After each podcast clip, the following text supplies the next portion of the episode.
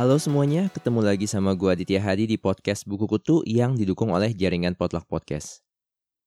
Di podcast ini kalian bisa mendengarkan berbagai hal menarik dari dunia literasi, biasanya berupa review buku, obrolan dengan penulis atau penerbit, serta hal-hal lain yang seru untuk dibincangkan di dunia buku. Kalau kalian gak mau ketinggalan cerita-cerita terbaru dari dunia buku, langsung aja follow akun Instagram gua di @podcastbukukutu dan akun Twitter gua di @podcastbuku. Kali ini gue mau membahas tentang sebuah buku yang berjudul Perempuan yang Menangis Kepada Bulan Hitam.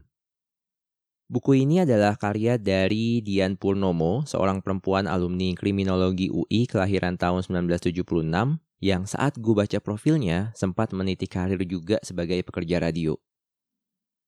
Buku ini diterbitkan oleh Gramedia Pustaka Utama pada bulan November 2020 kemarin, jadi masih baru banget dan bercerita tentang sebuah budaya di Pulau Sumba di Nusa Tenggara Timur yang bernama kawin tangkap. Jujur ya, saat mendengar istilah tersebut gue langsung teringat makanan khas Aceh yang namanya ayam tangkap. Hmm, sedep banget kan rasanya. Tapi kemudian gue berpikir, masa sih sama, beda kali cuma namanya doang yang mirip. Mana ada orang yang nangkep pasangan kemudian dikawinkan. Ya di zaman dahulu mungkin ada, tapi kalau zaman sekarang kayaknya nggak ada deh. Namun ternyata ya kawin tangkap itu benar-benar istilah untuk proses pernikahan di Pulau Sumba yang di dalamnya terdapat aktivitas menangkap atau bisa dikatakan menculik sang mempelai perempuan. Biasanya hal ini terjadi apabila kedua keluarga sudah sepakat tapi mungkin sang mempelai perempuan gak mau atau apabila terjadi konflik antara dua keluarga, dua kampung, atau dua suku maka dijalankanlah kawin tangkap itu yang disebut tanda kutip ya, untuk mempercepat penyelesaian konflik. Di Sumba sendiri, tradisi kawin tangkap ini sering disebut dengan istilah Yapa Mawine atau Piti Rambang. Penulis Dian Purnomo sendiri bukan merupakan orang Sumba sebenarnya, dia lahir di Salatiga, tetapi pada tahun 2019 yang lalu sempat menjalani residensi penulis alias tinggal selama enam minggu di Sumba dan akhirnya mendapatkan banyak sumber. Yang kemudian dia jadikan novel Perempuan yang Menangis kepada Bulan Hitam ini. Tokoh utama dari buku ini adalah seorang perempuan yang namanya Magi Dila Talo.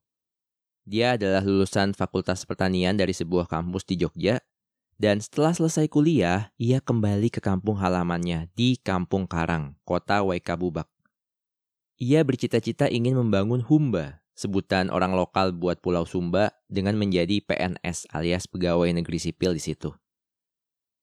Mimpinya indah banget lah pengen membangun pertanian di Sumba, pengen membuat produktivitas para petani di situ meningkat. Tapi karena proses penerimaan PNS belum dibuka, dia memutuskan, ya udah deh, gue magang aja dulu. Akhirnya dia jadi pegawai honorer di Dinas Pertanian Waikabubak.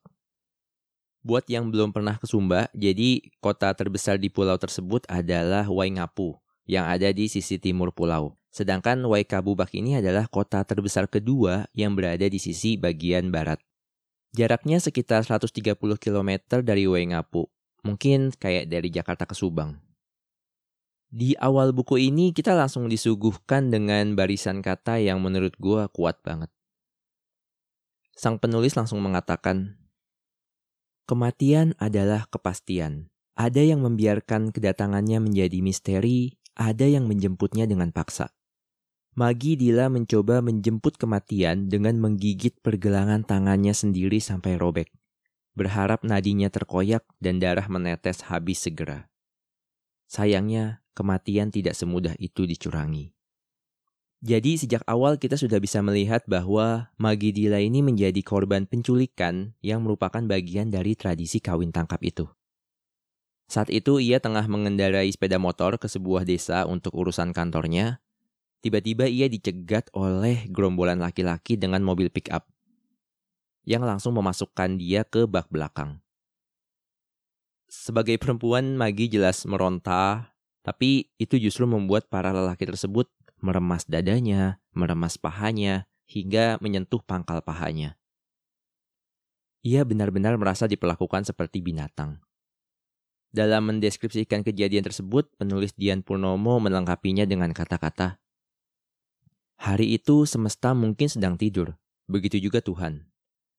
Karena doa yang Magi panjatkan, tak ada yang menjawab. Ternyata gerombolan laki-laki tadi adalah suruhan dari seorang pria yang namanya Leba Ali. Ia adalah pria mata keranjang yang sudah mengenal Magi sejak usia muda. Mereka lumayan seumuran tapi Magi nggak pernah suka dengan gayanya yang genit. Suka godain perempuan dan sebagainya. Laki-laki itu sebenarnya sudah menikah, tapi kemudian sang istri meninggalkan dia dan banyak yang bilang bahwa sang istri itu pergi karena adanya kekerasan dalam rumah tangga. Magi kemudian disekap di rumah Leba Ali dan sempat meminta untuk dibebaskan tapi jelas tidak dikabulkan. Hingga akhirnya ia memutuskan untuk bunuh diri dengan cara menggigit nadinya sendiri. Beruntung ia akhirnya selamat dan bisa kembali ke rumahnya. Tapi itu bukan akhir dari segalanya, karena tradisi tetaplah tradisi.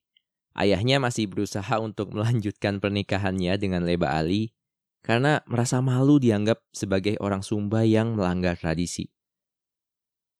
Magidila sendiri sebenarnya sempat melaporkan Leba Ali ke polisi dengan tuduhan kekerasan seksual, tapi karena satu dan lain hal yang dijelaskan juga di buku ini, lelaki mata keranjang plus super genit itu akhirnya bisa lolos dari jeruji besi. Di sisi lain, hanya ada teman Magi yang namanya Dangu Toda yang sangat ingin menyelamatkan temannya tersebut. Bahkan boleh deh gue nikahin aja ini Magi biar temennya ini selamat gitu. Tapi ternyata dia dan Magi berasal dari suku yang sama. Dan menurut adat di Sumba, menikahi suku sendiri itu sama dengan menikahi saudara kandung sendiri, alias incest. Lagi-lagi itu terganjal masalah tradisi. Magi memang masih mempunyai ibu yang seperti memahami keresahan anaknya ada juga Tara, temannya yang kebetulan akhirnya menjadi kakak iparnya, yang begitu dekat hubungan dengannya. Tapi perempuan-perempuan itu juga tidak bisa apa-apa karena budaya patriarki yang begitu mengakar di Sumba. Bahkan setelah baca buku ini gue jadi tahu bahwa menurut adat Sumba itu ada yang namanya pintu laki-laki dan pintu perempuan. Jadi perempuan gak boleh ngelewatin pintu laki-laki yang biasanya merupakan pintu utama dari sebuah rumah. Dan ada banyak lagi berbagai pantangan yang dibuat khusus untuk perempuan yang akhirnya menyurutkan posisi para perempuan tersebut di keluarga Magidila. Magi akhirnya mencari pertolongan lain, yaitu dari sebuah LSM di Kupang yang namanya Gema Perempuan. Sejak itu, petualangan baru Magi dimulai untuk menghindari tradisi yang begitu dia benci itu. Dia sebenarnya punya beberapa pilihan yang sama-sama nggak enak dia bisa tetap di Sumba dan menerima pinangan Leba Ali menjadi istrinya yang ya gitu deh. Dia juga bisa memperjuangkan hak-hak dia di hadapan sang ayah meski kayaknya peluangnya kecil banget. Magi bisa kabur keluar Sumba dengan resiko jauh dari keluarganya, tapi dia mendapatkan rasa aman. Dan pilihan terakhir jelas kembali melakukan apa yang pernah ia lakukan sebelumnya, yaitu mencoba bunuh diri keempat pilihan itu tuh sama-sama nggak enak buat dia. Apa yang akhirnya dia pilih dan bagaimana akhir dari buku ini, langsung aja beli dan baca bukunya Perempuan yang Menangis kepada Bulan Hitam karya Dian Purnomo. Buku ini juga ada di Gramedia Digital, jadi buat kalian yang langganan bisa langsung download dan baca. Sebelum masuk ke segmen kedua, gue mengingetin buat para pendengar yang suka dengan podcast ini, boleh silahkan tekan tombol follow di Spotify atau bagi yang mau mendukung gue secara finansial bisa juga buka karyakarsa.com garis miring podcast buku. karyakarsa.com garis miring PODCAST BUKU. Di sana kalian bisa memberikan dukungan secara finansial lewat transfer bank, OVO, GoPay, dan lainnya yang uang itu nantinya akan gue gunakan untuk meningkatkan kualitas dari podcast ini dan membeli buku yang nantinya akan gue review buat kalian. Terima kasih banget buat kalian yang udah dukung ya. Sekarang mari kita beranjak ke segmen kedua.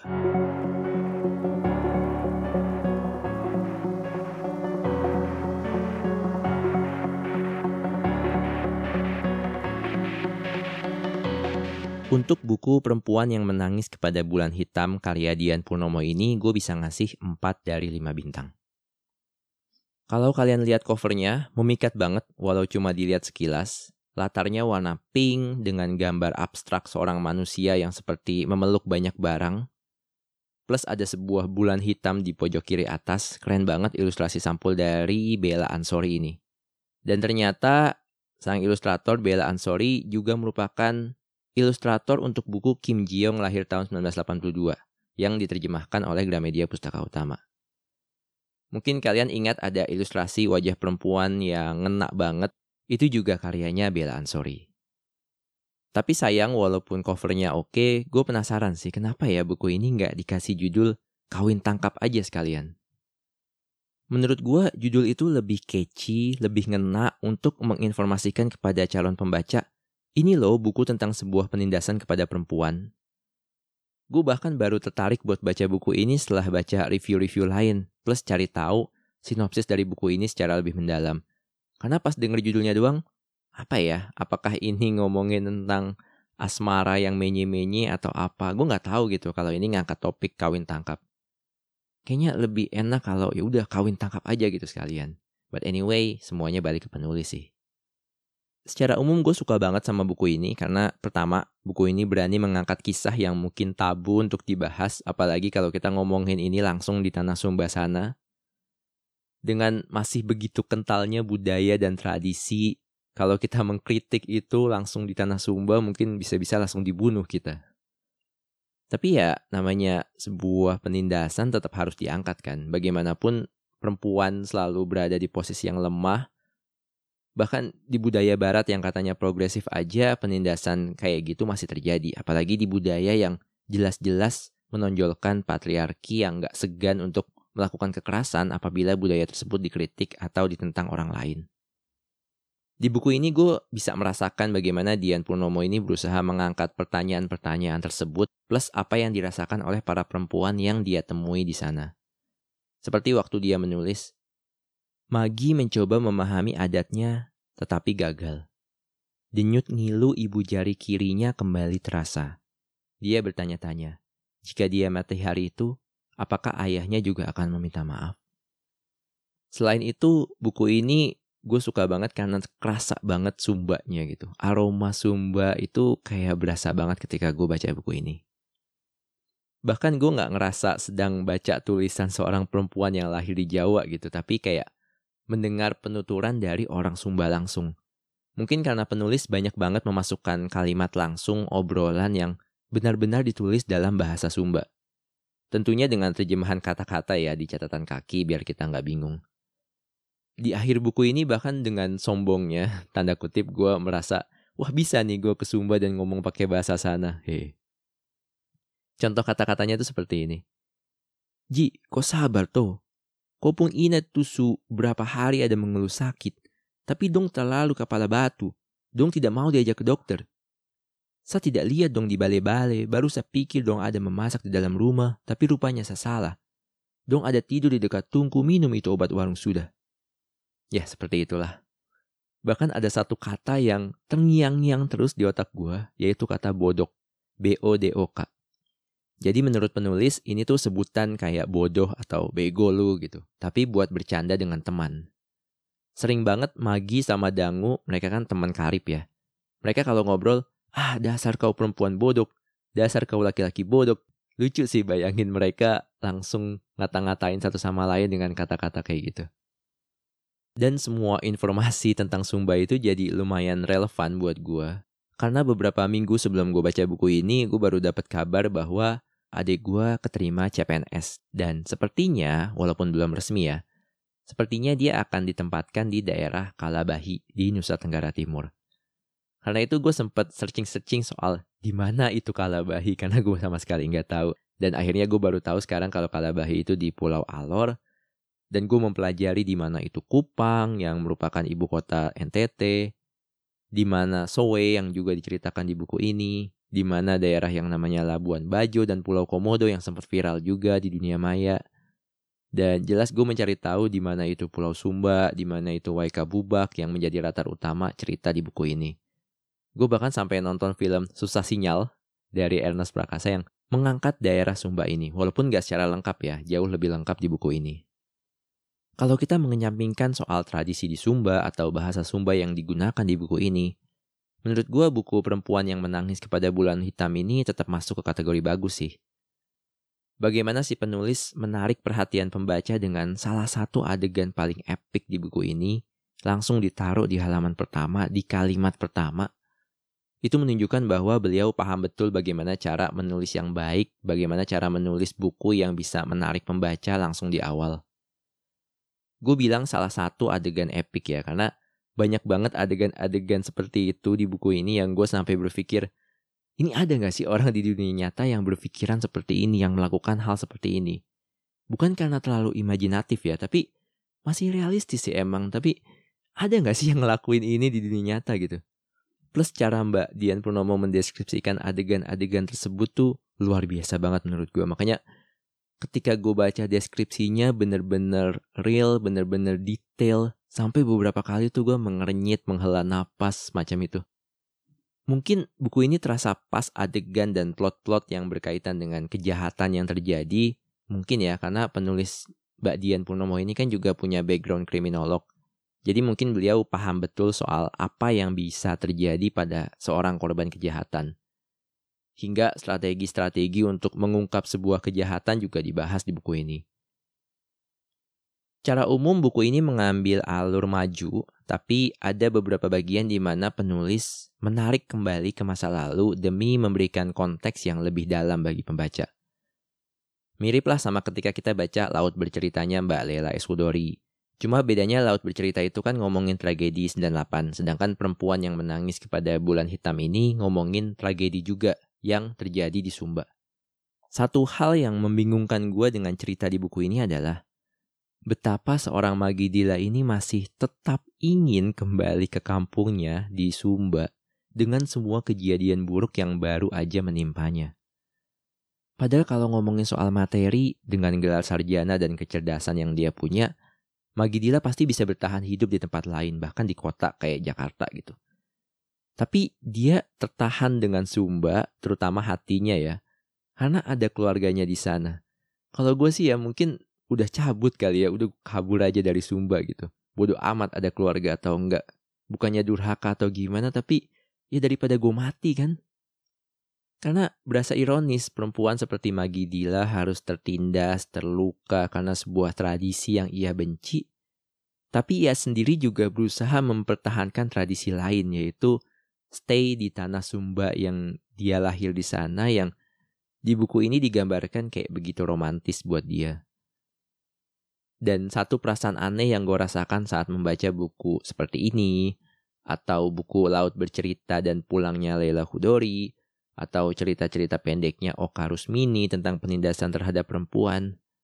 Gue tuh bertanya-tanya, ini kita harus berbuat apa ya setelah membaca ini? Apakah dengan kita merasa marah setelah baca ini tuh cukup? Apakah dengan kita merasa kesal, merasa tergugah hati kita itu kepedihan para perempuan tersebut akan berakhir? Cukup gak sih? Ya, Indian buku ini emang buku yang tepat banget untuk membuat kita berpikir tentang penindasan terhadap perempuan dan tradisi yang melanggengkan itu, fakta bahwa adat-adat seperti kawin tangkap masih terjadi di sekitar kita di Indonesia, dan bagaimana sih kita harus bereaksi terhadapnya atau at least memahami perasaan para korban. Jadi tenang aja, walaupun judulnya perempuan yang menangis kepada bulan hitam, ini bukan cerita romans yang menye-menye kok. Kalau kalian tertarik langsung aja cari buku ini karya Dian Purnomo di toko buku terdekat dan rasakan sendiri sensasi gua mengernyit bergidik waktu bacanya dan bagaimana emosi kalian diaduk-aduk kayak bubur ayam lah sepanjang cerita. I think that's all kalau kalian suka dengan konten podcast ini jangan lupa klik tombol follow di Spotify atau bagi yang berkenan mendukung secara finansial bisa buka karyakarsa.com garis miring podcast buku. Kalau ada yang punya rekomendasi buku untuk dibahas atau topik yang menarik atau kalian merupakan penulis atau penerbit dan ingin berkolaborasi bikin konten yang menarik sama gue, langsung aja hubungi gue lewat Instagram at podcastbukutu, Twitter podcastbuku, atau email podcastbukutu at gmail.com. Jangan lupa juga untuk beri dukungan bagi jaringan Potluck Podcast. Caranya follow akun Instagram at dan kunjungi juga akun YouTube Potluck Podcast. POD LUCK POD CST. I think that's all. Thank you for listening. See you and ciao.